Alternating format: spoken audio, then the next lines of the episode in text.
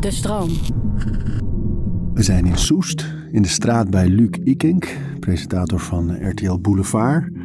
Ehm, er is hier alleen een stroomstoring, dus ik hoop dat we op kunnen gaan nemen. Maar Luc is natuurlijk wel echt een tech-geek, dus die lost het vast wel voor ons op. En ineens komt er iemand naar boven lopen terwijl jij nog aan het napraten bent en die schreeuwt: Peter is neergeschoten. Wat is een mens zonder houvast in zijn manier van leven? En ieder heeft een handvat en eigen rituelen. Orde in je hoofd zodat alles te overzien is. We praten over routines. Ik begreep ook nooit zo goed waarom mensen altijd zo vroeg naar huis gingen.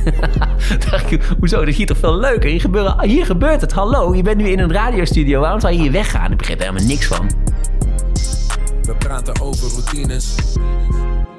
Luc, we komen uit een stroomstoring. ja. En het eerste wat jij doet is je pakt je telefoon om te checken of er ergens een bericht staat over deze omgeving misschien. Ja, want ik was naar de, naar de meterkast gelopen en ik kon niks vinden. Dus dan, dan denk ik, nou dat moet wel hier een, een lokale stroomstoring zijn geweest. Dus Waar, dan, en waar kijk jij dan het eerst op je Twitter, telefoon? Twitter. Ja, kijken of andere mensen ook eh, zo geïrriteerd waren als ik. en Ja? daar dan meteen een berichtje over plaatsen. En dan eh, zoek ik een beetje bevestiging in, eh, in het feit dat, nou, dan zal het wel aan de straat hebben gelegen. Ja, ja, en niet aan ons huis. Maar zo snel ging dat, want je, je keek in de meterkast, daar was niks. Bam, Twitter. Ja, Dit is hoe jouw hoofd werkt met nieuws, met dingetjes, met... ja, dan denk ik van, nou, dan eh, hier wordt vast over gesproken. Dus dan eh, eens even kijken of ik daar aan kan sluiten. Niet per se om mee te doen met, eh, met praten, maar wel om even te kijken wat er aan de hand is, ja. Ja, En, en zo verga je eigenlijk je nieuws. Want je bent natuurlijk, je bent echt een nieuwsjunkie, Ja. wel, denk ik. Mhm. Ja, dat denk ik ook. Dat denk ik, vrees ik van wel, ja. Nee, ik probeer, ik, ik, ik, eh, ik, probeer wel echt alles eh, te lezen wat er is. Eh, alle soorten nieuws, entertainment, politiek, sport, nou ja, noem maar op. Gaat het, Twitter is dus één van je bronnen. Gaat het verder ook via kranten bijvoorbeeld? Nou ja, wel online. Eh, ik lees eigenlijk vrij weinig nog op, eh, op, gewoon op papier. We hebben wel een abonnement op de, op de Volkskrant hier in het weekend, maar dat is meer gewoon ter ontspanning. Ehm, maar eh, ja, ik lees de hele dag eh, door, van 's ochtends vroeg tot 's avonds eh, laat. Ook tijdens het kijken van alle talkshows. Ik volg ook alle talkshows, ik kijk ook allemaal terug. En, en ik volg op YouTube heel veel, eh, ehm, eh, nou heel verschrikkelijk veel mensen die andere dingen maken dan vlogs. Hè. Dat is natuurlijk meer, maar je hebt heel, heel toffe Amerikaanse podcastmakers die het hebben over technologie, geschiedenis, wetenschap. En ja, die probeer ik ook allemaal te volgen. En eh, dus, dat- dus ik probeer wel altijd zo dan mijn nieuws eh, te vergaren. En dat gaat de hele dag door. Dus als ik een talkshow kijk, dan heb ik ondertussen mijn telefoon erbij met een ander artikel ergens op Mashable of weet ik veel wat van. Hoe heet het? Mashable? Mashable is een handige site, vind ik altijd leuk om te lezen. Maar ja, eh, eh, alles, alles. ik lees alles. Noem er nog eens een paar van jouw bronnen, van je, je go-to's. Oh, mijn go-to's. Nou, dat is dus niet... Ik heb dus niet eh, per se een... ehm, eh, een ik, ik volg een aantal eh, Amerikaanse sites die ik interessant vind... en die, waarvan ik denk van, die zijn zo neutraal mogelijk. Je hebt bijvoorbeeld The Hill heb je eh, voor Amerikaanse politiek. Je hebt Wired voor heel veel eh eh, technologie dingen. En ik vind het wel fijn om, om, om een soort van neutrale basis te hebben... waar ik dan mijn nieuws haal. Want ik weet ook wel dat als je naar plekken gaat die eh, links en rechts en eh, van allerlei oriëntaties hebben, dat dan op een gegeven moment wel meningen er doorheen sijpelen en dan moet je dan doorheen proberen te kijken. Maar het is wel fijn om, om ik hou van zo neutraal mogelijke artikelen eh, om die te lezen. Maar dat weet jij dus nog te vinden. Want dat is natuurlijk, hè, als je ehm, de docu's, de dingen... Er wordt nu zoveel gemaakt over dat het nieuws zo gekleurd is. Dat je uiteraard fake nieuws hebt, maar ook inderdaad heel links of heel rechts. Ja. Ehm, mensen krijgen het bevestigd op hun eigen socials. Het wordt steeds groter. En jij probeert eigenlijk een weg te vinden naar neutrale berichtgeving. Die is er dus nog wel. Ja, ja, ja, zeker. Nou ja, ik weet nog van, eh, eh, van mijn opleiding journalistiek. Windesheim, Eh, Zwolle. Ja, precies, Windesheim, Zwolle. Daar werd eh, gewaarschuwd voor het, dit moment waar we nu in zijn gekomen. Namelijk dat je in een bubbel terechtkomt. En nou, het woord algoritme bestond toen natuurlijk nog niet. Social network. Ja, en dat, je, dat jij dus in een bubbel zit. Je algoritme, algoritme stuurt je altijd naar bepaalde nieuwsberichten met een bepaalde blik. En daar kom je op een gegeven moment niet meer uit. Hè? Die fabeltjesfuik waar eh, Arjen Lubach het eh, ooit over heeft gehad. En daar werd op onze opleiding al op, eh, voor gewaarschuwd. En daar werd heel erg gehamerd op het feit van... probeer zo neutraal mogelijk te zijn. Hè? Als het gaat om, om, om echt nieuws. Want dat is... Dat is ook belangrijk. Je moet ook andere, je moet andere visies krijgen, maar je moet ook gewoon stick to the facts. Hebben. En ik probeer dat toch altijd wel uh, te zoeken. En ik probeer ook altijd, als ik op bepaalde sites ben, om eens even verder te kijken op die sites. Van oké, maar hoe benaderen jullie dan artikelen? Uh, over welke uh, personen praten jullie en op welke manier doen jullie dat? Want dan weet je een beetje aan welke kant ze staan van het spectrum. En dus ook met welke ja, toch ook wel welke, welke reden ze bepaalde artikelen schrijven. Pardon. Want ook heel veel sites schrijven natuurlijk artikelen clickbait. Om mensen te lokken. Eh, zodat die mensen ook de wat saaier artikelen gaan lezen. Maar dat, is, ja, dat gebeurt natuurlijk wel. Werkt dat zo trouwens? Dat weet jij vast.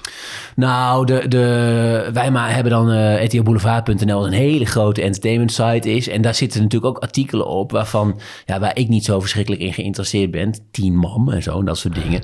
Maar ja, dat scoort online als een tierenlier. Dus die internetafdeling van ons denkt ook, ja, we zijn wel gek als we daar geen berichten over schrijven. We hebben op een gegeven moment een keer een periode gehad, dat is alweer lang geleden gelukkig, dat er wel heel veel werd geschreven over Temptation Island. En ik kon me daar wel echt een beetje aan storen. Want ik dacht van, oké jongens, we zijn ook een nieuwssite. Hè? Uh, entertainment nieuws, vind ervan wat je ervan wil vinden. Maar het, is wel uh, nieuws eh, in dat gebied. En je kan niet alleen maar praten over reality dingetjes.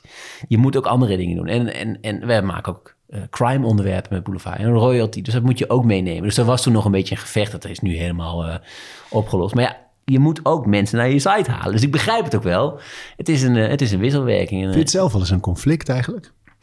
Wat bedoel je? Nou, die, die wisselwerking tussen dat, dat luchtigere nieuws, de, de clickbait-achtige dingen en meer journalistieke dingen? Ja, ja wij zijn natuurlijk een programma wat, uh, wat 80% uh, eh, vermaak is. Dat zo ongeveer. En, en, en die andere, het andere deel is, uh, kan soms echt heel serieus zijn. Onze crime-onderwerpen zijn soms echt serieus. En we maken ook gewoon dingen die maatschappelijk gewoon van belang zijn. We hebben het veel gehad over corona. We hebben het veel gehad over nou, royalty dingen die misschien niet iedereen interessant vindt. Maar die maatschappelijk wel van belang zijn voor ons leven. Het is nogal een verschil of je een koning hebt of, of niet. Dat, dat is, is, is van invloed op je leven.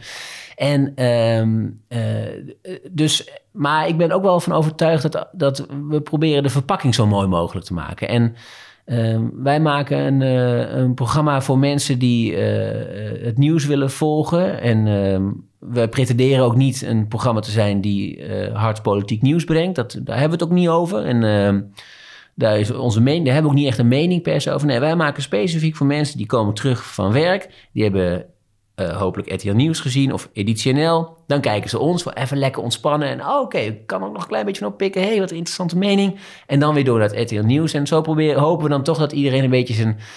op tv-gebied in ieder geval zijn nieuws heeft meegepikt. En ja, die verpakking is, uh, is gewoon belangrijk, ja. ja. Het lijkt me in je nieuws zoeken wel, uh, wel bepalend ook. Dat je inderdaad er ook rekening mee moet houden. Uh, nou ja, een scheiding in het. Uh, of zoals nu trouwens, in deze periode is dat allemaal gebeurd met de voice. En de, ja. de berichtgeving over vermeende seksuele handelingen achter de schermen. Um, dat je daar ook iets mee moet. Hoe, hoe, zoek je daar zeg maar naar informatie die, die jou aanspreekt of die geschikt is? Ja, ja kijk, bij zo'n groot gigantisch grote nieuws uh, gebeuren als bij The Voice en, en, en, die misstanden daar. Ja, dat stroomt, dat, is, dat stroomt binnen. We hebben een groepsapp waar, uh, waar een mannetje of 30 in zit, denk ik ongeveer. Van de redactie? De redactie en productie en uh, nou 40 misschien wel. En ja, dat, is, dat stroomt helemaal over met allemaal uh, nieuwtjes. Uh, die zegt dit, die zegt dat, ik heb dit gehoord. En ja, dat, is, dat, kan je, dat wordt gelukkig niet gepubliceerd, want er zit natuurlijk heel veel ruis tussen. En daar wordt uiteindelijk wordt daaruit gefilterd of op nagebeld en, en op doorgezocht. Zodat wij uiteindelijk in de uitzending een zo zorgvuldig mogelijk beeld proberen te schetsen. En daaromheen zitten de meningen van mensen die uh, voor, ook, bij ons programma ook van belang zijn. Want we maken ook een opinierend uh, programma. Um, maar ja, het is toch wel uh, juist bij dat soort hele grote nieuwsgebeurtenissen moet juist de schakel aangaan. Oké, dit moeten we zorgvuldig gaan doen. We maken ook items over de nieuwe kledingtrend. En, en dan Mannenlingerie. Mannen, mannenlingerie hebben we ook wel eens een keer iets over gehad. Tuurlijk, moet je ook goed aanpakken. Maar uh, dat is natuurlijk van minder belang dan wanneer je gaat praten over uh, dingen die mensen gedaan zouden hebben. Waarvan je zelf ook niet zo goed weet van oké, hoe, wat, wat, is er eigenlijk precies aan de hand. Dus dat moet je heel zorgvuldig doen. We hebben zelf ook wel eens zo'n... Um, zaak gehad met Job Goschalk bijvoorbeeld. En ook nog wat een beetje vergelijkbaar was. Ja, dat hebben we toen onder leiding onder andere van Peter de Vries ontzettend zorgvuldig aangepakt. Met een crime-redactie die daar, ja, daar, daar hele dagen mee bezig was. Maar een zorgvuldig dossier hebben we aangelegd. Met, multi, met twee multimappen vol met uh, verklaringen, opgezocht, naartoe gegaan. Alles erop en eraan. Uh, voor uh, de mensen die mee hebben gewerkt aan het verhaal. Zorgen voor goede nazorg. En op tv is het een gesprek van 10 minuten. En dan is dat. Uh, maar, maar je moet dat goed doen. Ja. Vooral bij dat soort belangrijke dingen. En, ja. en die, die mensen kunnen schaden. We maken het niet om mensen te schaden. Uh, het is nieuws. Maar omdat je weet, dit heeft impact op het leven van die mensen, van beide kanten, moet je dat zorgvuldig doen. Ja. Ik vond het zelf als moeilijk toen ik meedraaide dat je, uh, nou, ik vond het hartstikke leuk om hele specifieke sportdingen dan naar een groter publiek te kunnen vertalen. En dat is echt genieten. Ik vond collega's daar heel leuk, programma goed gemaakt, fijne sfeer. Ik vond het wel eens moeilijk dat je dan zo'n item zelf bracht en dat daarna dan over uh, uh, een item kwam over Johnny die misschien een vrouw geslagen had, Johnny de Mol. Of, ja, ja, ja. Vond ik wel, heb jij dat nooit, dat je die... Dat is wel een beetje, op de achtergrond hoor je Klaus, mijn hond, ja. blaffen trouwens, die, die ziet iemand voorbij komen denk ik. Maar dat is wel, de, ik, ik heb daar nu niet meer zoveel last van. Um, ons motto is altijd gewoon doorgaan en geen bruggetjes maken. En niet zeggen even iets heel anders. Want dan ga je het heel erg benadrukken. Dan ga je heel erg, oké, okay, dit was heel erg belangrijk. En nu gaan we het iets hebben over wat helemaal niet zo belangrijk is, maar wat we gewoon leuk vinden. Nee, ja, dat, ons programma is nou eenmaal een lappendeken van heel serieus en soms heel zwaar heftig nieuws. En soms totale niemendalletjes. En dat is nou eenmaal het programma. En dat werkt, dat werkt al, nou lang, uh, volgens mij 20 jaar, 21 jaar. En uh, dus ja, dat, dat werkt. En wij krijgen daar vrijwel nooit klachten over. De kijker is daar helemaal aan gewend dat wij een programma maken dat alle kanten op gaat qua uh, emotie en, uh, en zwaarte. Ik heb daar nog nooit iets van gehoord. Nee. Terwijl bij Late Night had ik een blokje waar ik vaak de schakel was tussen een heel zwaar heftig gesprek met nabestaanden van MH17 slachtoffers. Moeilijk. En ik moest dan dat blokje opbouwen van nou, serieus naar uiteindelijk de ultieme meligheid van een, van, een, van, van een kat die van een motorkap valt. En daarna kwam er dan een gesprek met een artiest. En dat blokje was dan heel erg van belang, want dat in zo'n talkshow kan je dat niet achter elkaar plakken. Want die artiest voelt zich ontzettend ongemakkelijk. Want die denkt, ja, ik zit hier en mijn verhaal is totaal niet van belang. Want deze mensen hebben iets verschrikkelijks meegemaakt. Dus dat blokje van mij van vijf minuten was, de, was, eh, ja, was, een soort buffertje. Was het buffertje. En die had je echt nodig. Maar ook daar mocht ik van de hoofdredacteur van het programma... die dezelfde hoofdredacteur eh, ook, heeft ook heel lang Boulevard gedaan. Carlo van Lien. Ja, Carlo van Lien. Hij zei altijd, jij gaat nooit zeggen... Ja, jongens, nu heel even wat anders. Dat ga je nooit zeggen. Want dan benadruk je gewoon heel erg dat het een en uh, dat wat we hierna gaan doen totaal niet meer van belang is. En iedereen voelt dat wel, maar je moet ook weer even ademhalen. Je moet ook weer eventjes uh, door. En als ik dan als uh, uh, kan zorgen voor die ademhaling, dan is dat heel fijn. Maar daar kreeg ik best wel vaak reacties over mensen die dat echt uh, lastig vonden. Ja, dan ben je eigenlijk de bliksemafleider. Ja, ben je bliksemafleider. En mensen vonden dat in dat programma soms wel iets heel erg moeilijk. Als het, ja, dan, dan, en dat, ik begrijp het ook wel, want het is, je zit ook te kijken naar een onderwerp en je leeft mee met mensen. En daarna gaat het ineens over, ga je ja. lekker met André Hazes rossen. Dat is, dat is soms wel lastig, ja. ja. En als het nieuws dichtbij komt, hè, wat jij nu best wel vaak gebeurt of meegemaakt hebt. Dat je hebt lang met Mark de Hond gewerkt, is mm -hmm. uh, vorig jaar overleden. Uh, Umberto had natuurlijk die hele slepende uh, zaak over een affaire en ja. me, heb je mee samengewerkt. Peter R. de Vries natuurlijk, echt, een, echt een gezicht van het programma waar ja. je werkt. Als het nieuws zo dichtbij komt, vind je het dan moeilijker om het te brengen ook? Um, ja, dat is natuurlijk altijd lastiger, omdat uh, het gaat om mensen die je kent. En uh, uh, dat, dat heb ik ook wel heel erg moeten leren. Ik, dat, het is niet iets wat denk, wat je, je moet dan heel even uitschakelen dat je dan ook een, een person of interest bent. Op dat, het gaat om de kijker op dat moment. Um, wat helpt is denk ik wel, is als je dat ooit hebt meegemaakt met mensen die je kent en je probeert daar op een zo goed mogelijke manier mee om te gaan, dan is het wel zo om dat bij andere mensen die je niet kent ook zo goed mogelijk te doen. Dus ik probeer dat maar te doen. Uh, niet te denken van, oh ja, we hebben deze persoon niet uh, het makkelijk gemaakt. Nee, we gaan er netjes mee om. En dat doen we bij andere mensen ook. Dat, zo probeer ik het eigenlijk om te draaien. En, dan kan ik ook, hè, als er dan eens een keer iets is met iemand die je wel kent, weet je van, oké, vervelend je bent nou eenmaal een bekende Nederlander. Die, ja, die, dat, dat is nou eenmaal ons programma. Je hebt daar vaak ook gebruik van gemaakt. Maar we gaan daar wel zo netjes mogelijk mee om. Wij doen natuurlijk ook heel veel. Wij gaan, ik ga, uh, wij gaan natuurlijk geen zwangerschappen bekendmaken of zo. Ik, ik, ik, zou niet in mijn hoofd halen. Ik krijg ook ruzie thuis. Als ik dat zou doen. en dat is natuurlijk. Maar ja, als een relatie uitgaat. En, uh, en het is een relatie die zich in het openbaar heel erg heeft afgespeeld. Uh, uh, misschien ook wel eens een. Ja dan, ja, dan is dat wel een bericht dat wij op een gegeven moment gaan brengen, natuurlijk. Ja, en dat is dan wel. Ik snap, ik begrijp ook wel dat het vervelend is. Maar het is ook gek als programma om daar dan niks mee te doen. Ja, dus, maar als je het netjes aanpakt, dan, dan, dan kan dat. Denk ik. En hier, deze podcast gaat natuurlijk over routines, over rituelen. Hè. Het, ik heb heel vaak gedacht in die periode. Ik was toen eigenlijk net weg bij jullie. Mm. Toen met Peter R. de Vries allemaal gebeurde. Um, hoe dat voor jou was. Iemand die zo dichtbij staat en hoe je daarmee om bent gegaan. Of daar dan ook rituelen zijn om dat een plek te geven, om te rouwen. Ja, het was echt. Dat, um, ik heb altijd in mijn hoofd, het heeft zich afgespeeld in drie weken tijd. En, uh, want het gebeurde op een dinsdag. Uh, en we hebben, we hebben die week afgemaakt. Uh, toen was het weekend, toen kwam de dreiging op ons programma. Toen hebben we die week afgemaakt. En daarna kwam de week waarin Peter overleed. En toen hebben we die week afgemaakt. En toen was er een vrijdag aflevering. En toen waren we helemaal ja, een beetje melig bijna. Gewoon omdat we dachten, oh, iedereen moest ontladen. En toen, was, en toen begon ook mijn vakantie. Dus het was, heel, was een hele rare opbouw. Uh, het was heel... En dat was een ja, die drie weken, dat is, ik zie het altijd als een soort, ja, dat, die horen bij elkaar, uiteraard. En dat is nou, niet in een roes voorbij gegaan, maar in een soort, in een, in een soort straaljager die poef, ineens waren die drie weken voorbij. En, um, en er zijn ook hele delen van die ik ook gewoon niet meer zo goed weet wat ik nou heb, precies heb gedaan en zo. En wat we nou, want we hebben heel veel vergaderingen ook gehad in, in, in, in hotels met het hele team bij elkaar. En, uh, uh, en, en, en, online. En we hebben hier aan deze tafel waar wij nu zitten, hebben we op de avond van uh, de dreiging van op ons programma, zijn mensen hier, ook van Blue Circle en, en van RTL, die zijn, zijn we maar hier naartoe gegaan, bij mij thuis.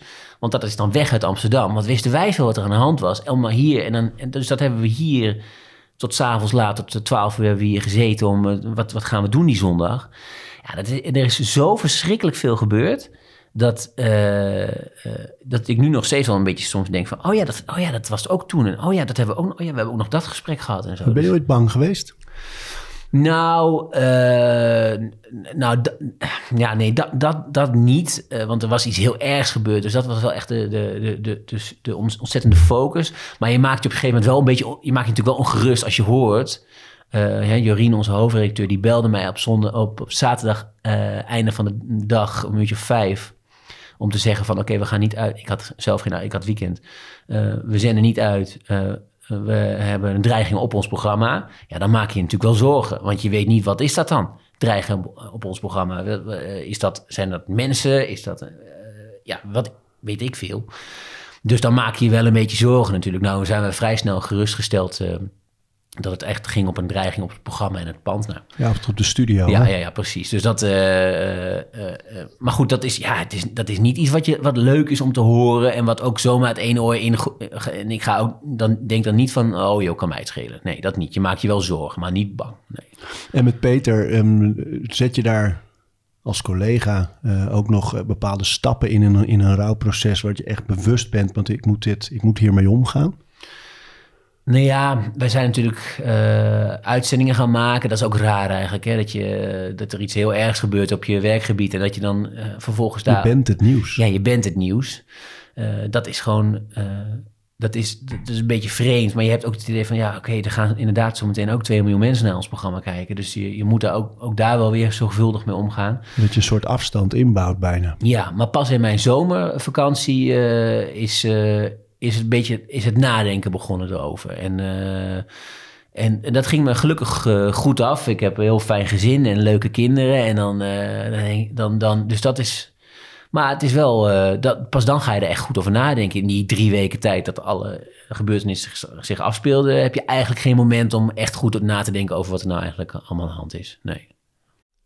Deze aflevering van Overroutines wordt aangeboden door Squarespace. Een alles-in-één platform waar je je eigen website kunt bouwen en beheren. Het maakt niet uit of je producten, diensten of je passie met de wereld wil delen. Het kan allemaal bij Squarespace. Ik noem even kort drie handige functies van het platform. Met het ontwerpsysteem kan je makkelijk je website vormgeven en het helemaal eigen maken. Squarespace analyseert hoe je website presteert en wat er voor nodig is om je bedrijf online verder te laten groeien. En ook kan je abonnementen en exclusieve content aanbieden aan betalende leden. Start nu je gratis proefperiode via squarespace.com/overroutines. En ben je klaar om je website echt te lanceren? Gebruik dan de code overroutines, dan krijg je 10% korting op je eerste aankoop van een website of domein. Nee. Nee, het lijkt me dat dat misschien bijna wel helpt om het zo concreet, zo praktisch in te vullen Ja. bijna een tijdje. Ja, Net ja, als je- dat mensen bij een overlijden alles moeten regelen voor een begrafenis en daardoor blijven staan. En, maar daarna komt toch wel vaak een tik Ja, natuurlijk. ja, ja, precies. En, en bij ons is het... eh, iedereen gaat er op zijn eigen manier mee om. Want je hebt een aantal dingen... Hè, er is een collega overleden, maar er is ook een... Er is ook, er is ook daarnaast ook nog een liquidatie geweest. Dat is natuurlijk ook iets heel... Ja, wij moesten ook binnen blijven in, in de het studiocomplex... tot een uurtje of half twaalf met alle collega's. Er is natuurlijk ook heel veel... Dus al die dingen, dat is... Is anders wanneer een, een, een, familie... overlijdt, Ja, een, een, oma overlijdt of zo. Dat is natuurlijk... En dat... ehm, en er is heel veel media mee te ma- maken. Er is beveiliging ineens en zo. Dus dat soort dingen, dat... dat eh, Het zit zo in je leven dat je, ja, nou ja, je, je zal het ook hebben gehad. Jij bleef, jij bleef vaak wat langer in de studio natuurlijk daarna. Maar wij zijn zo vaak met Peter naar die parkeergarage gelopen door die straat allemaal. ja, Dat je heel goed die stappen en dat moment zo kan voorstellen. Ja. Het moet voor zo'n hele redactie en iedereen op productie. Het raakt zoveel levens. ja, ja. En ook omdat er is natuurlijk al eh, bij Boulevard... eh, zijn veel mensen al bezig met veiligheid. Er- er was al veel bewaking.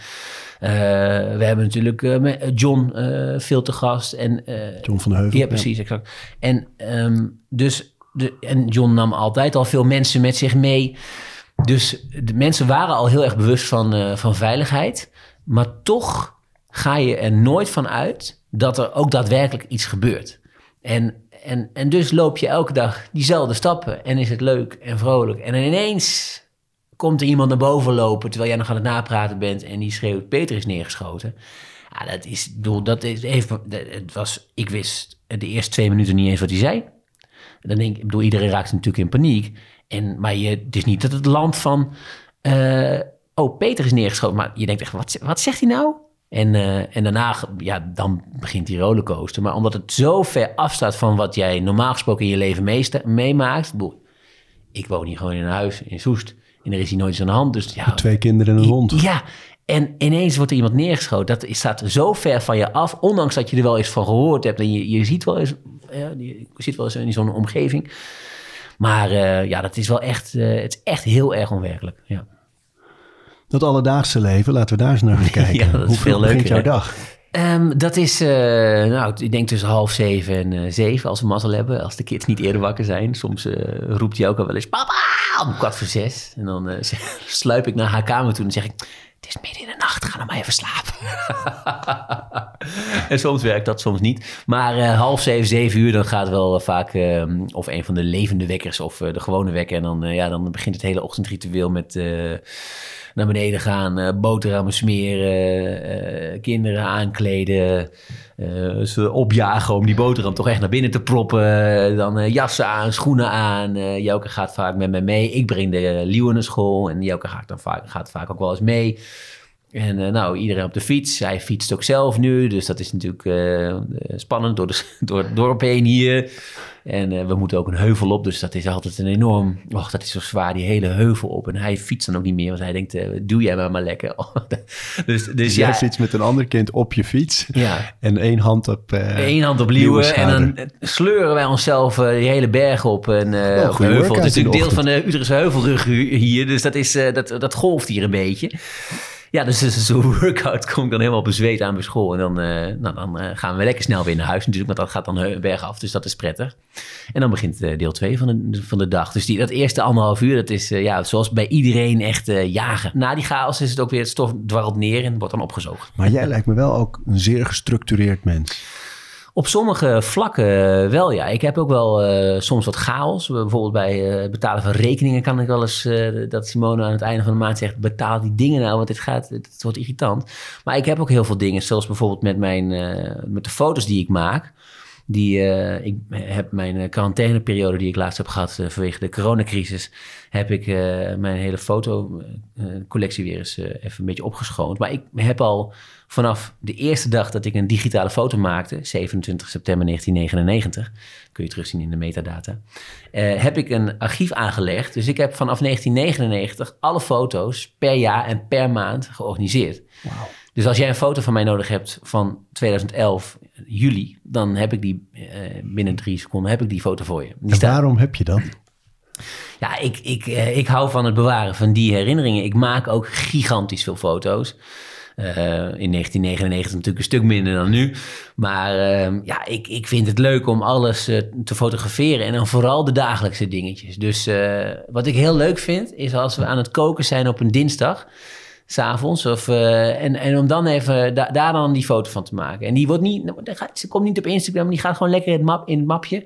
En dat vind ik leuke dingen om terug te zien. Dus gewoon een ontbijt, het aankleden, uh, uh, douchen en met de kinderen afdrogen. Dat vind ik leuk om te fotograferen. En, maar doe je dat dan ook om, om, om, om het later te hebben, om je brein eigenlijk daarbij te houden bij die herinneringen? Ja, absoluut. Ja. En, en, en het helpt ook heel erg om want ik kan me dan ook die, die momenten nog wel heel goed herinneren, ja. En, uh, Doordat je het ziet, hè? Ja, ik kan me nog een dag herinneren. Dat was de mooiste dag van 2019. Dat was een zomerdag, ergens in juli. Ik weet niet meer precies welke dag het was, maar het was schitterend weer. We hadden een leuke fietstocht gemaakt. We kwamen terug hier. Liewe die leerde fietsen op zijn... Uh, die ging nog even het gras hier af. Ik heb het badje buiten gezet en we gingen buiten eten. En die kids in de zwembroeken. Toen dacht ik, jee, wat is dit een fantastische dag. Nou, daar heb ik meteen snel een paar foto's van gemaakt. En elke keer als ik die foto's zie, dan komt dat gevoel van die leuke dag weer terug. En, uh, en uh, want ik weet dat, omdat we daar op, uh, aan het einde van het jaar, hebben we daar nog, we hadden het over het jaar. En toen zei ik, ja, dat was de leukste dag van het jaar, 100%. En toen kon ik die foto's weer erbij halen omdat ik dat allemaal eh, netjes in dat mapje heb gestopt. En, die, en dan is meteen die glimlach. En zelfs het gevoel waarschijnlijk van geluk. Ja, ja, ja, ja, ja want ik, ik, ja, ik weet nog hoe ze zitten. Ze zaten daar om het hoekje en uh, ze zaten aan het einde van de dag uh, zaten ze met zo'n met zo'n uh, badstoffen poncho zich heen nog heel even Paw Patrol te kijken. Terwijl wij de, de pasta salade aan het klaarmaken waren. En omdat dat allemaal op de foto staat, kan je dat gevoel weer makkelijk terughalen. Ja. Dus daar ben ik heel georganiseerd in. Ja. En, en, diezelfde structuur hanteer je waarschijnlijk met het nieuws. Want je, je zei net al even, je noemde een hele reeks sites, Twitter, allerlei bronnen heb je om uh, dat nieuws te vergaren en alles in de gaten te houden. Ja. Schermtijd, durf je dat te zeggen? Ja, ja. een dag. Dat komt soms wel eens uh, op je, hè, dat je dan ineens uh, aan het einde van de week van, oh, u heeft uh, 28% meer schermtijd dan de week ervoor. Maar dat, ja, dat zit wel op, ja, dat is eigenlijk de hele, dat zit zo op 16 uur, denk ik, vrees ik. Zo. maar ik heb dus ook dat ik werk op mijn telefoon. Ik vind ook dat kleine nou schermpje heel prettig werken.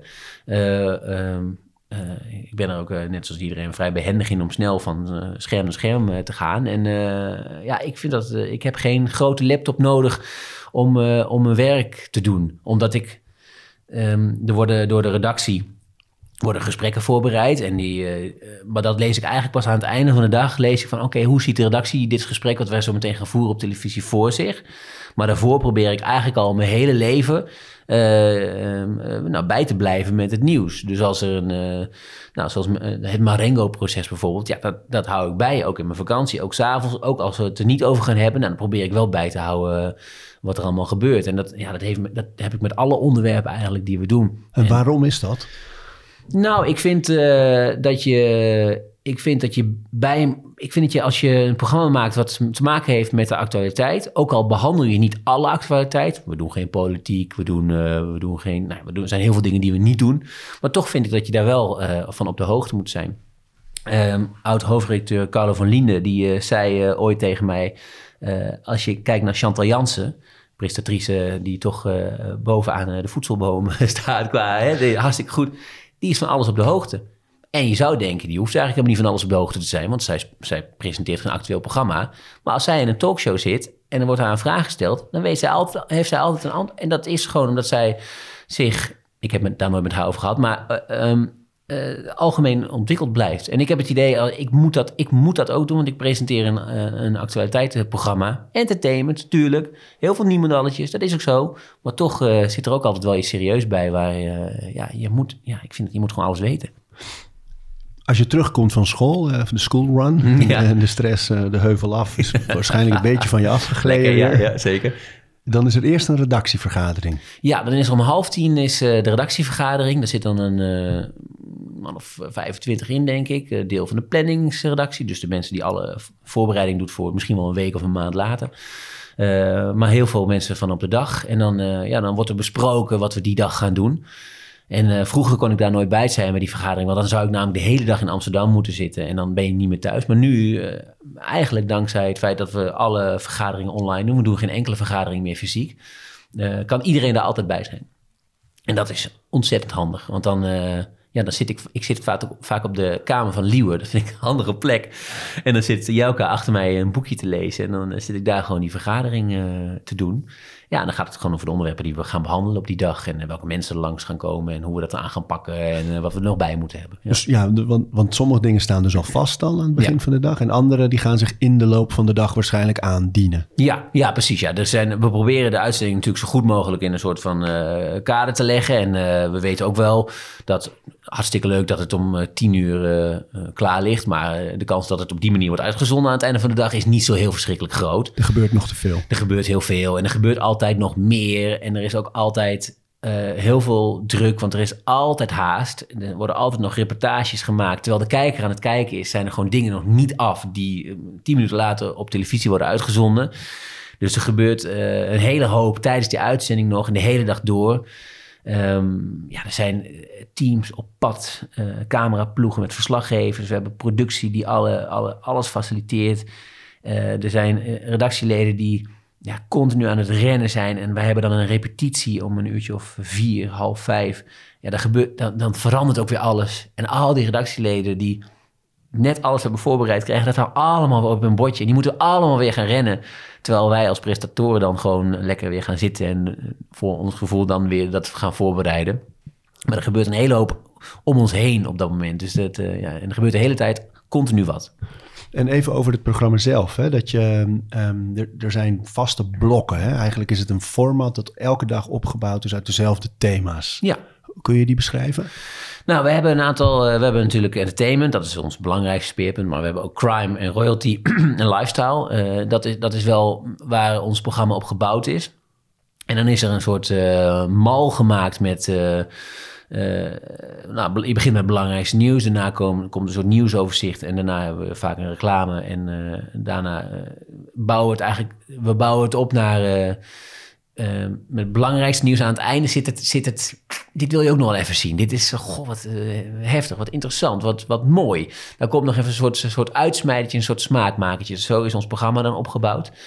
En, uh, ja, en er moet van elk speerpunt wat ons programma heeft, ja, moet toch elke aflevering wel iets in zitten. We kunnen, nou ja, royalty is niet, je hebt niet altijd iets met royalty, maar je kan niet een uitzending maken zonder crime, zonder entertainment uh, of lifestyle. Dat kan niet. Dat is, dat is gek. Dat... En dat eerste blok is de, is de hyperactualiteit eigenlijk van het, het, nieuws van de dag. Ja, precies. Ja. Ja, ja, het nieuws van de dag, maar wel het nieuws van de dag zoals wij dat zien. Hè. Dus het is, uh, ik kan me ook heel goed voorstellen dat als je op de redactie van Nieuwsuur werkt, dat je denkt van, hoezo beginnen jullie met dit onderwerp? Dat slaat nergens op. Dus jullie doen denk ik meer waar de mensen het over hebben vooral. Hè? Ja, ja, waar de mensen het over hebben. En um, uh, dus, dat, dus dat kan bijvoorbeeld ook Britney Spears zijn bij ons. Want als Britney Spears uh, uh, uit haar Free Britney, als dat gaande is en die rechtszaak is gaande, nou, dan sturen wij daar een verslaggever naar Los Angeles toe. Ja, dan is dat voor ons het belangrijkste nieuws van de dag. En ik snap ook wel dat dat voor heel veel mensen natuurlijk niet zo is. Maar voor ons wel. Dus wij bouwen op die manier ons programma op. En wij zijn dan ook wel overtuigd van het feit dat als kijkers dan gaan zitten, dat ze dan denken: oh ja, lekker even hè. Even Britney. En als jij dat nieuws allemaal aan het, uh, aan het consumeren bent, schrijf je dingen op? Of hoe, uh, hoe blijft dat allemaal? Gebruik jij je hoofd als opslagruimte, is denk ik meer ja, een vraag. Ja, ja, dat doe ik wel, ja. ja dat doe ik. Ik, ik heb wel, uh, als ik dingen wil zeggen in de uitzending over bepaalde dingen, dan heb ik wel, gebruik ik mijn notitie-app om dat op te schrijven. Als ik denk van, oh, ik wil dat specifiek op die manier zeggen dan probeer ik dat wel al vast eens een keertje op te schrijven. Omdat ik dan weet, dan komt het er wat makkelijker uit. Maar ik gebruik wel echt mijn hoofd als, als, als opslag. En dat is ook wel, en dat werkt toch wel goed. Ik heb toch wel veel opgeslagen door de jaren heen. ook qua jaartallen, wanneer gebeurtenissen zijn geweest. En als het dan misschien verkeerd in een, in een tekstje staat, dan weet ik nee, dat was niet 2021, dat was 2020. En dat, dat komt dan toch altijd wel weer tevoorschijn uit een luikje. Ja, dat werkt toch wel goed. In Twente begon het allemaal. Ja, ik begon, ja zeker. Ja, dat begon uh, op mijn vijftiende, uh, denk ik, de radio. Lokale Vijftien? Zoiets, ja. Lokale radio. Toen ik zat ik was uh, bezig met het maken van websites. Uh, geleerd door mijn broer met je HTML-code, tikken en zo. Uh, mijn, eigen, mijn eigen weblog maken. De, de Giel Belen fanpage heb ik nog gemaakt. Echt? ja. En, um, en dat, toen was ik al geïnteresseerd natuurlijk in radio.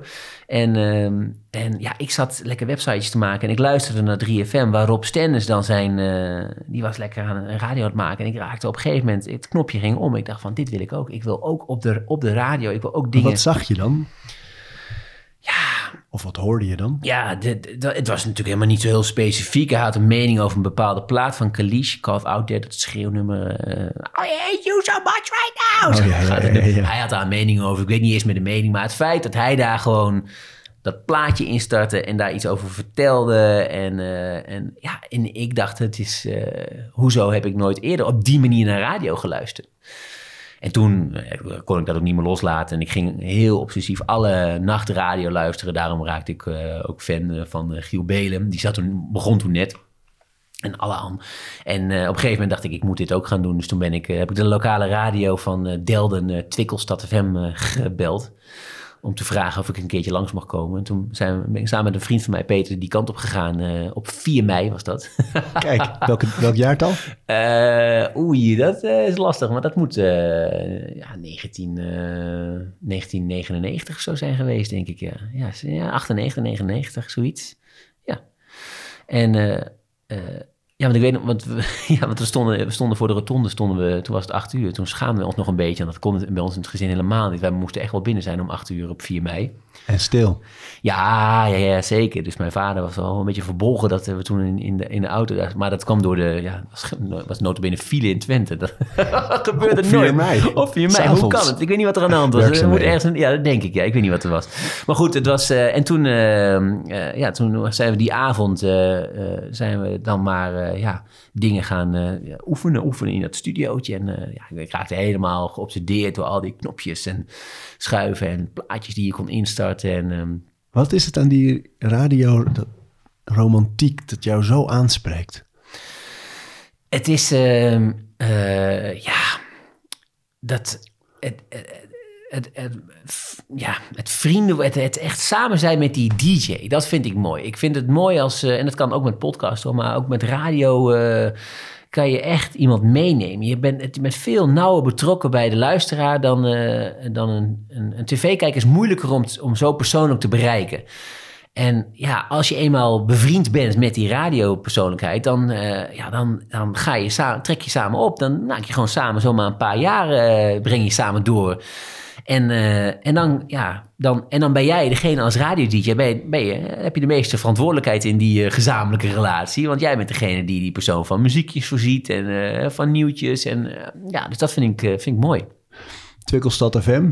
En uiteindelijk natuurlijk na je studie ook stage bij de NCRV, ja. Bij BNN gaan werken op Radio 1, zelf dingen Radio 1 gemaakt. Er moet een moment ergens zijn geweest dat jij van altijd maar achter de schermen knopjes en, en dingetjes doen naar voor de schermen ging.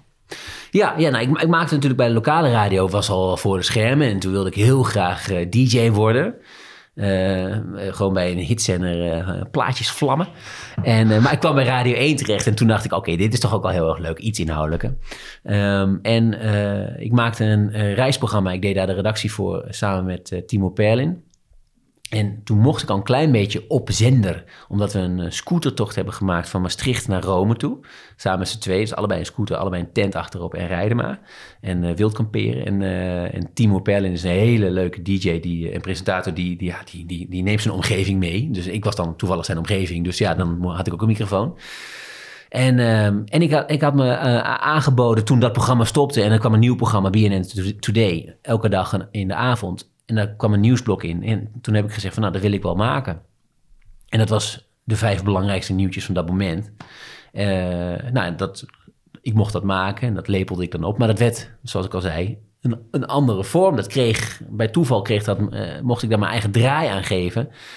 Ja, dat werd gekker en gekker. En werd een soort hoorspel op een gegeven moment. En eh, he- heel erg leuk om te maken. Vanwege Echt. de vrijheid? Ja, ik mocht elke dag doen wat ik wilde. Niemand wist, toen ik, elke dag wist niemand wat ik had gemaakt, totdat het op zender kwam. We repeteerden het ook niet. Het was gewoon altijd, en het was gewoon in de studio met Willemijn Veenhoven. Die moest ook altijd lachen. Het was ook altijd leuk dat zij erbij was. Ze moest altijd lachen. Dat is natuurlijk hartstikke leuk als je dan iets hebt gemaakt waar, waar mensen moeten grinniken. En ja, ik vond dat, dat was echt heel erg leuk om te maken. En dat Maar daar- besefte ik me toen ook hoor. Dat, hoe bijzonder dat was dat ik dat, dat specifieke blokje mocht maken.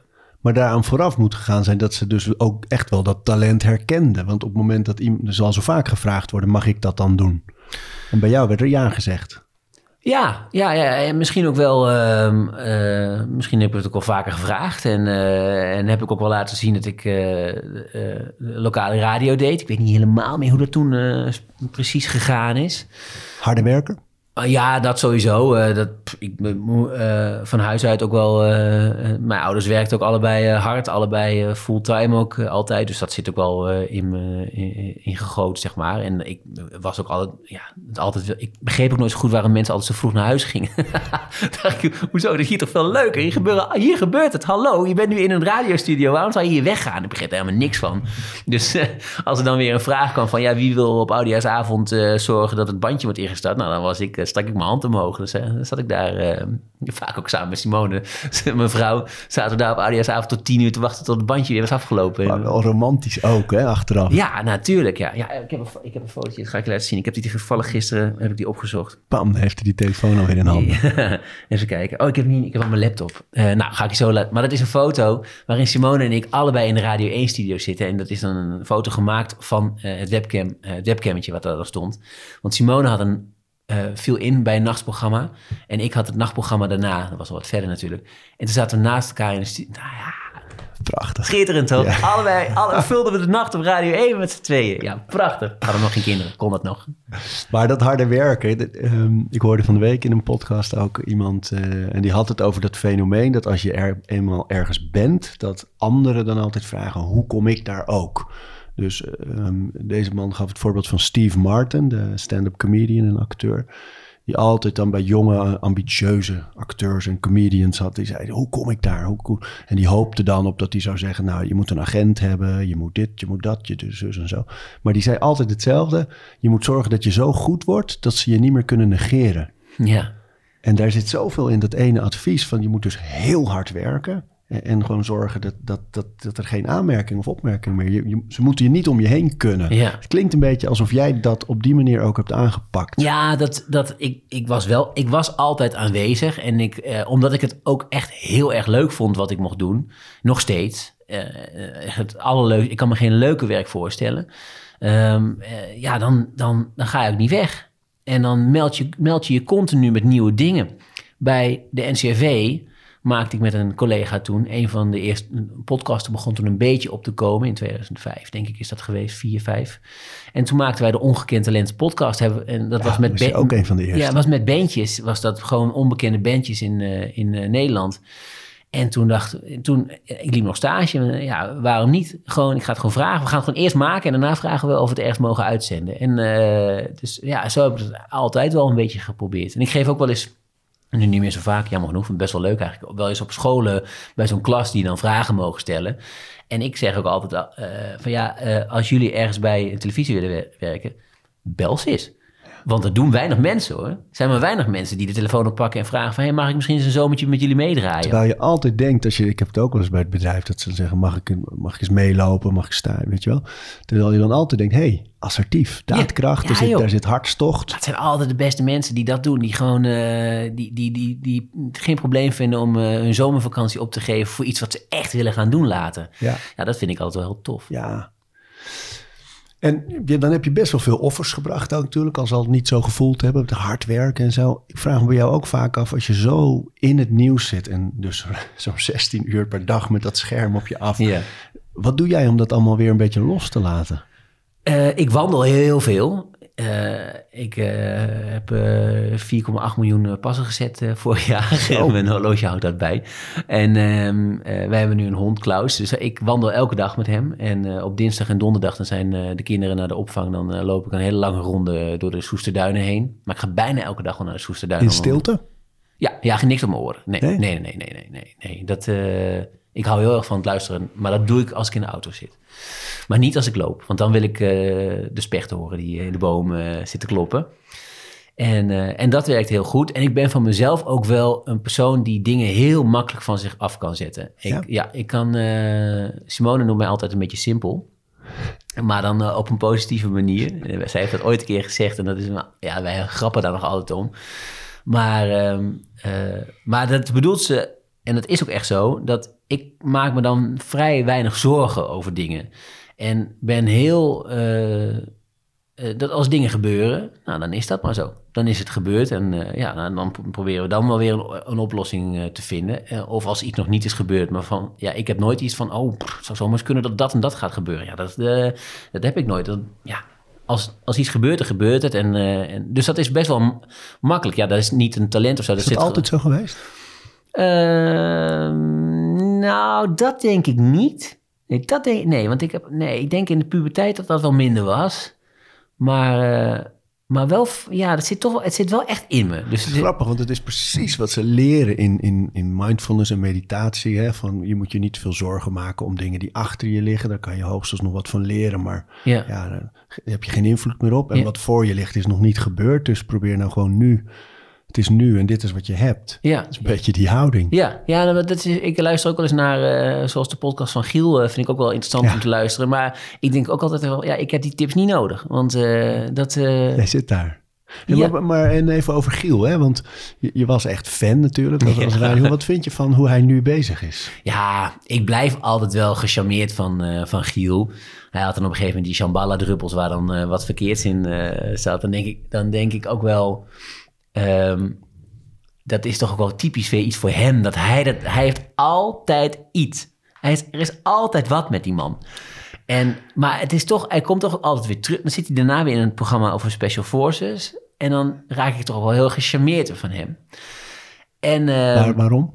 nou ja, omdat dan, dan laat hij toch ook wel weer zien dat het een. eh, ja, hij gaat gewoon ergens voor. En hij gaat nu voor die mindfulness en zo. En dat staat dan. Ik bedoel, het is niet, heeft niet meteen mijn interesse of zo. Maar hij gaat er wel helemaal voor. En hij heeft het natuurlijk ook gedaan met dat sporten. En met dat radio is natuurlijk ook helemaal. Dat is nu volgens mij een beetje van hem afgevallen. Maar die eerste 20 jaar, als ik het zo inschat van zijn is natuurlijk, was hij obsessief met alleen maar radio bezig. Ik heb op zijn redactie gewerkt, drie weken lang. Toen kwam ik daar eh, tussen, nou, was er ergens tussendoor. Hij maakte nog, eh, was echt in zijn gloriedagen op 3FM. Ja, dat is ongelooflijk. Hoe, hoe hij was, hij, ik, ik dacht dat ik vroeg was en ik woonde bijna op het Mediapark, eh, en ook naast het Mediapark. Hij was er altijd al, s ochtends vroeg, om, om half vijf of weet ik veel wat. En dan ging hij radio maken, helemaal in zijn eentje, helemaal in een soort bubbel. Ja, nooit een producer Nee. in de studio. Mocht hè? nooit in de studio eh, zitten, staat ook altijd achter het glas. En alles voorbereiden en zo. En eh, ja, echt waanzinnig om te zien. Zoveel passie voor zijn eh, vak. En toen was dat afgelopen. En dan nou, hij ging ook niet slapen of zo. Wat andere ochtend-dj's nu wel altijd doen. Nee, hij ging gewoon door. En dan, en dan was hij s'avonds, had hij dan nog een awardshow bijvoorbeeld of zo. En die ging hij dan nog presenteren. En dan ging hij ook, bleef hij daar ook hangen. En dan was hij om twaalf ging hij naar bed. En dan was hij de volgende ochtend. Hij was er altijd. Het kwam ook niet in zijn woorden voor dat hij dan niet zou zijn. Hij was er altijd. En dat is wel, eh, ja, dat, nou, nou, vond ik echt fantastisch om te zien. Dus dan, ja. En dan maakt hij wel eens eh, domme, domme fouten met van die druppels of zo. Ja, en dan, eh, maar goed, ik las ook ergens een, een reactie van. Hoe heet zij? Wanda de Kanter heet zij geloof ik of zo. Die is heel erg bezig met eh oud-longarts is zij. Zij is heel erg bezig met mensen af proberen te helpen van het roken. En zij zei, het is best wel gek dat wij ons ontzettend focussen op die shambhala druppeltjes. Die dan misschien in theorie bij een enorme overdosis wel eens schadelijk zouden kunnen zijn. Terwijl we wel een enorme eh, generatie hebben die nog steeds lekker kan makkelijk kan roken. En dat we daar ons totaal niet druk over maken. En Ja, dat is natuurlijk ook ja. wel zo. Doe je veel aan, aan sport of beweging of voeding om, om een beetje level te blijven? Nou, wel te weinig. Ik heb daar wel uh, moeite mee om daar... Uh, omdat ik, ik wandel dus, dat scheelt wel een hele hoop. Ja, dat, uh, ja, dat scheelt echt veel hoor. En, en, ik ben ook echt blij dat ik dat nu kan doen met de hond en dat je dat daarom ook moet doen. Maar sporten ben ik... Ik ben, nou, we hebben er al eens eerder ook over gehad bij Boulevard en zo. Ik ben echt lastig te enthousiasmeren om een sportschool in te gaan. Ik heb dus nu een abonnement. Maar door die coronacrisis waren de sportscholen nu dicht. Maar goed, die zijn nu natuurlijk stiekem ook al een tijdje open. En, uh, toen had jij corona, dus ja. Toen had ik corona, dus het viel allemaal ook wel heel erg mijn kant. Ja, daar is ja. altijd, en die drempels moet ik een keertje afbreken. Want ik ben, uh, ja, dat is wel iets wat uh, lastig in me zit. Maar goed, ik merk ook dat uh, ik ook ben ook bijna 40 al volgend jaar. Dus uh, dan, uh, dan, dan is dat wel. het is wel, als je 25 bent, dan kan je wel zes dagen in de week werken, waarvan één nacht. Nou, dat, is gewoon, dat doe ik nu niet meer, maar dat is wel uh, ja, hard werken. Wordt lastiger als je niet je conditie op peil houdt. Toch heb ik bij jou niet vaak het idee dat je laag in je energie zit of zo? Nee, nee. Ik heb. Uh, uh, ik kan gelukkig met wat weinig slapen aan. Ik slaap ook echt ook te weinig, maar, maar dat lukt ook goed. Dus dan heb ja, voor mijn gevoel ook weinig reden om daar dan echt een verandering in aan te brengen. Um, en als ik dan wakker ben, dan, uh, ja, dan, dan, gaat het, dan ben ik ook wel echt aan en dan, uh, dan gaat de energie pas weg als ik... Uh, ja, dat, dat eigenlijk gek genoeg, om acht uur krijg ik weer een energieboost. Zo. Ja, ja, en dan terwijl Simone is dan een beetje aan het... die nog even serietje en misschien al stiekem een beetje klaarmaken om naar bed te gaan. Maar ik krijg dan, ja, dan ga ik weer, dan krijg ik weer een energieboost, ja. Pak je nieuws er nog even bij? Ja, nieuws nog even bij en dan nog weer even wat even iets op de laptop kijken en dan nog, eh, ja, dus dat, ja. Maar en dat laat je dus ook s'nachts, want dat is natuurlijk wat bij de meeste mensen gebeurt. Dan ga je op een gegeven moment liggen aan het einde van zo'n dag en dan komen al die prikkels moeten verwerkt worden in dat hoofd. Dat heb, heb je dat dan niet? Nee. Dus je kan goed slapen. Ja, als ik slaap dan uh, binnen een minuut dan. Is allemaal dat loslaten. Ja, dat denk ik dan. Want ik heb, ja, ik dan, ja, ik slaap altijd prima. Als ik ga liggen, dan ga ik slapen. Wauw, man. Ja, handig, hè? Ja. ja. Ja, het klinkt niet, niet om stoer te zijn, maar dat zit... Weet je wel, ja. nee, maar dat, ja, ik kan daar ook weinig aan veranderen natuurlijk. Ik, kan, uh, ik ben niet een maler. Ik ga niet liggen piekeren in bed of zo. Nee, dat heb ik gewoon niet. En, uh, maar je hebt dus ook niet van... van bijvoorbeeld het hele idee cliffhanger hè, van Netflix. Dat waarom nooit Netflix vlak voordat je moet gaan slapen moet kijken. Eigenlijk omdat het hele fenomeen cliffhanger gaat in je hoofd natuurlijk door. Hoe zou het aflopen? Hoe gaat het verder? Wat gebeurt er in de volgende aflevering? Ja. Dat soort processen. Ja. Dat heb je dus niet. Nou ja, nu je het zo zegt, het is wel grappig. Ik ben dus een hele slechte serie kijken. Om, uh, omdat ik dus... Uh, ik kijk series vrijwel nooit af. Um, om, om dezelfde, in dezelfde metafoor te blijven. Als ik een serie kijk en ik heb vier afleveringen gezien en het is heel erg spannend, is het voor mij volstrekt logisch om die serie daarna nooit meer te kijken. Dan kijk ik gewoon niet af.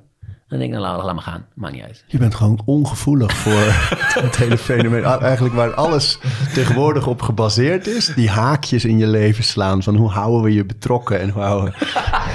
nou, toch geen Je bent immuun. Nou, nee, ik moet daar ook wel gevoelig voor zijn natuurlijk en zo. En uh, nee, dat, dat, ja, dat denk ik niet. Maar ja, ik kan het ook uh, zo... Je bent dan ook niet benieuwd naar aflevering 5 van The Game of Thrones? Nee. Dat is gewoon. Uh, nee, ik heb echt een hele stapel series die ik. Vrijwel alle series kijk ik gewoon nooit af. Dus het moet nieuws, moet echt zijn bij jou misschien? Ja, nou, het moet echt zijn. En uh, het heeft natuurlijk ook te maken met uh, concentratiespannen natuurlijk. En zo, een film kijk ik wel af, want dan weet ik, er is nu een begin, er is een einde en dan is het afgelopen. En dan is, dan misschien kan ik het daarom ook wel makkelijk naast je neerleggen. En misschien is het ook wel met gebeurtenissen in mijn. in mijn in mijn echte leven, als ik mijn werk erbij pak, wij hebben natuurlijk het begin van de dag half tien de vergadering. En we hebben het einde van de dag, nou dat is dan misschien het einde van de uitzending. Of misschien wel als ik om tien uur het laatste appje met eh, de hoofdredacteur heb gedaan. Maar dan is die dag voorbij en dan de volgende dag begint gewoon het riedeltje weer opnieuw. Is, heeft wel allemaal, het, heeft wel, het, het grijpt wel in elkaar. Maar ja, in die tussenperiode ja, kan je het ook even loslaten natuurlijk. En je bent er ook in getraind natuurlijk. Je kan niet te lang stilstaan bij een uitzending die wat minder was, omdat je alweer met de volgende bezig bent. Nee, dat heeft geen enkele zin. En er gaat natuurlijk best wel vaak wat mis, of je hebt wel eens een keer een uitzending die niet goed is. Maar ja, het heeft echt geen enkele zin, want ik maak 260 eh, afleveringen per jaar, of een boulevard, plus nog eilandpraat daarbovenop. En ja, en, en ja, als je een keer geen goede uitzending hebt, ja, dan is de volgende dag gewoon weer een nieuwe. Dus uh, ja. Weet je wat zo grappig is? Het gaat over een moderne wereld. Je hebt al je hele leven een voorliefde ook voor die hele techhoek. Ehm, en tegelijkertijd lijkt eigenlijk de manier waarop jij leeft heel erg op dat, dat meditatieve, bijna spirituele. Van jongens, niet achterkijken, niet ver naar voren kijken. Nu, nu, nu. Je, je kan heel goed loslaten. Ja, dat denk ik wel, ja. Ja, ja misschien wel, ja. Doe, ik hoef er weinig voor te doen. Ja, bijzonder. Ja, ja, ja, ja Simone stoort zich er wel eens aan hoor. Want die heeft, uh, heeft dat wat minder. Logisch, ook heel veel mensen hebben. Uh, uh, dus die maakt zich dan eens wel zorgen om dingen. En dan denk ik, joh, ja, maar ja, maak je er niet zo druk om die dingen. Het is niet nu aan de hand. Ja, en dan zegt ze, ja, maar jij maakt je nooit zorgen. Zegt ze, jij maakt je nooit zorgen. En wel over mijn kinderen natuurlijk en zo. Gewoon echt, maar gewoon ja, die, die... angst hebben we allemaal. Tuurlijk, dat is wat anders natuurlijk. Maar... Uh, dat, dat, nou ja, dat, ja, andere, ja, dan, zij, zij zegt, dan maak ik, bedoel, zij, ik kan me voorstellen dat zij ook wel eens heeft van, ga nou eens mee in, in, mijn, in mijn hoofd en snap nou even dat ik dit wel, dat ik hier wel een avondje mee kan zitten. Lukt dat? Ja, wel lastig. Dat is wel, uh, dat, ja, ik vind het, nee, dat is wel, uh, ja, wel lastig, ja. ja. Dat, ik probeer het natuurlijk wel, maar... Um, uh, en, uh, maar daar kan je nog wel meer, ik kan er nog wel wat meer voor openstaan, denk, denk ik. Ja, ja. Moet ook niet gemakzuchtig worden. Hè? Kan ook wel, het kan ook een. een uh, en dat heb ik ook wel een beetje in me, dat je met je laks wordt en, en, en gemakzuchtig. En dat, ja, als je dat gaat doen, dan. Het is natuurlijk niet zo dat dingen niet belangrijk zijn. En, en je moet wel over, je moet het niet moet niet te makkelijk worden allemaal. Dat is, uh, dat is ook niet goed. Nou, daar zit misschien ook iets voor ambitie, wat ik me nog afvroeg bij jou. Dat je altijd zo gedreven bent geweest op radio gericht, op, op audio. Um, en dat je nu op deze plek, uh, hoewel het hard werk is, is het ook een veilige plek. Je bent ja. een gevestigde naam in dat programma. Je bent een anker van het programma. Ja. Um, Werkt het dan ook zo dat je ook dan niet te ver vooruit kijkt en niet bezig bent met wat je nog meer zou willen of ja, waar ja, je naartoe wil? Ja, dat is wel. Uh, er wordt natuurlijk als gevraagd van wat, wat, wat, waar ben je over vijf jaar? En dan zeg ik altijd, nou, RTL Boulevard, dan, dan, daar ben ik dan. Want ik vind het nu nog zo leuk om te doen. Uh, dat ik me ook niet kan voorstellen dat ik dat nu op zou willen geven of iets anders zou willen doen. Uh, dat heeft ook wel te maken met dat alle dingen die ik, veel dingen die ik doe, zijn een beetje op mijn pad gekomen. Ook wel door, juist wel door hard te werken, maar dan ging altijd wel ergens een deurtje open. Ik ben ook wel een beetje zondagskind daarin geweest en uh, mazzel gehad.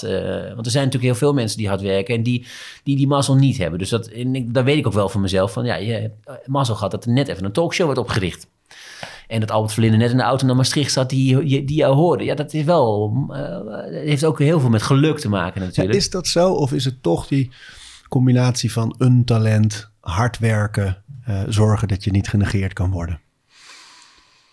Ja, maar er zijn, me, het zijn wel meer mensen die dat doen. Hè? Maar de, en, en, en, en niet iedereen heeft het. Uh, niet bij iedereen is er meteen een plekje of, of, of valt. Ja, ja het, het, het, heeft wat je zegt ook wel mee te maken, maar het is, geluk is wel een, een uh, is een van de elementen. Is echt wel van nodig. belang. Ja, je hebt Ingrediëntje. Dat ja, want uh, ja, wij hebben, ik heb ja, dan echt het geluk, zeg maar, dat, dat je net in die, in die in, ook al dat je bent geboren in een tijd dat, uh, dat, dat, die perfect aansluit bij jouw interesses met telefoontjes en laptops en zo. Ja, als ik tien jaar eerder was geboren, ja, dat dan zit je daar minder in misschien. Dus dat kan natuurlijk. Dus dat, dus ja, ja, geluk heeft, heeft er wel mee te maken. Maar ook je vizier, want jij was, je was een van de eerste mensen met een blog in het land. Ja. Je bouwde op je 14, 15 al een, een eigen websiteje. Ja. Um, je was ook weer een van de eerste met podcast. Dus je bent, je, je vizier is wel heel erg op uh, waar gaat het naartoe?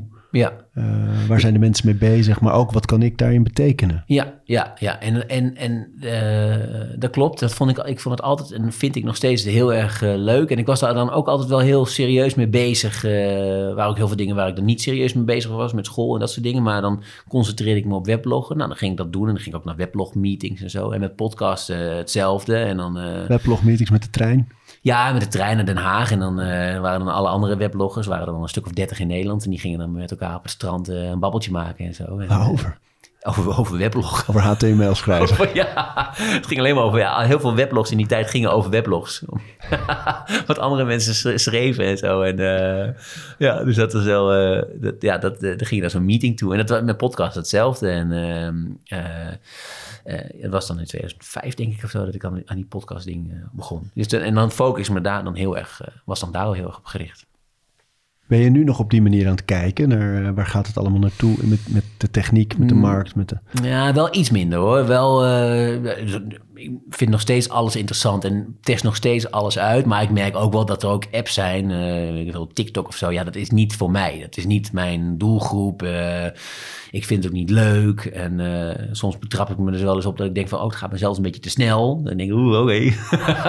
dat is ook niet best. Maar, ehm, dus en, zo, en dat gaat natuurlijk in de toekomst veel vaker voorkomen. Want ja, nu kan je bij TikTok uh, filmpjes maken. Maar er komt natuurlijk zo meteen een app waarbij je vier seconden filmpjes kan maken. En uh, waar alles fluoriserend is. Dus uh, ja, dat glijdt dan wel steeds verder van je af. Logisch ook, want al die 18-jarigen... die willen gewoon een app hebben waar ik niet op zit. Die denken, ga weg joh, je bent bijna 40. Eh, ik wil jou hier niet hebben. En als ik er dan wel kom en met mij, mijn hele generatie... dan zeggen zij allemaal, tabé, wij gaan, even, wij gaan even iets anders doen. Ja. En gelijk hebben ze. Ik heb steeds het gevoel dat er ergens nog wel rituelen en routines zijn... die ons zullen verwonderen in jouw leven. Dat je nog iets hebt waarvan je denkt... zoals het structureren van die foto's was daar een beetje al een hint naar. Maar zijn er dingen die jij dagelijks of in ieder geval ritueel doet waar we het nog niet over gehad hebben? Oeh, ehm, die ik ritueel doe. Ehm, ja, nou, ik heb wel een vrij uh, geordend en uh, gestructureerd, gestructureerd leven met dagen die dezelfde indeling hebben. elke maandag heeft dezelfde indeling met kinderen naar school brengen, dan de hond uitlaten samen met Jelke, dan de boodschappen doen samen met Jelke, waarbij alle winkels pakken, dan lunchen, dan werken en dan naar mijn werk toe. En een dinsdag heeft ook zoiets. En een donderdag ga ik altijd naar de markt.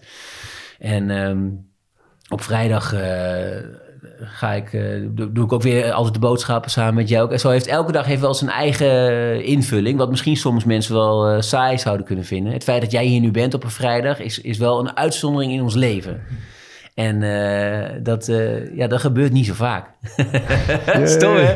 ja. Nee, maar dat, en niet dat we dat niet willen, hoor. Maar het is meer, ja, wij hebben ons leven heel erg gestructureerd ingedeeld. Uh, en dat werkt voor ons supergoed. Dus zijn Simone en ik zijn echt een mega team.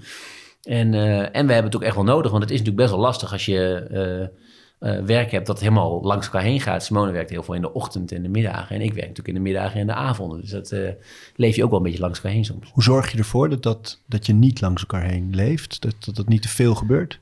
Uh, door, uh, nou, door er ook wel een beetje open naar elkaar te zijn.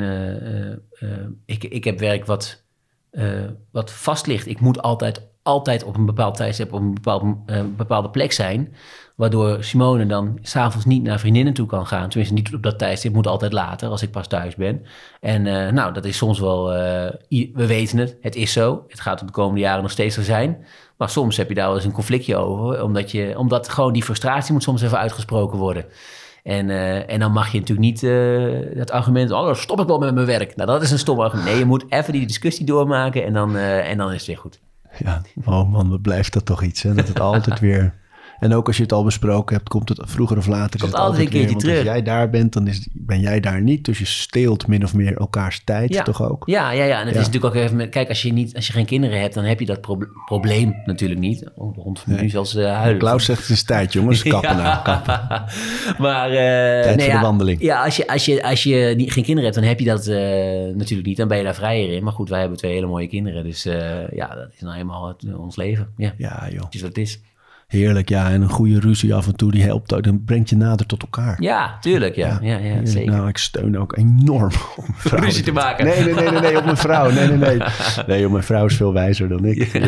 die wint altijd. Ja, ja dat is bij ons ook altijd zo.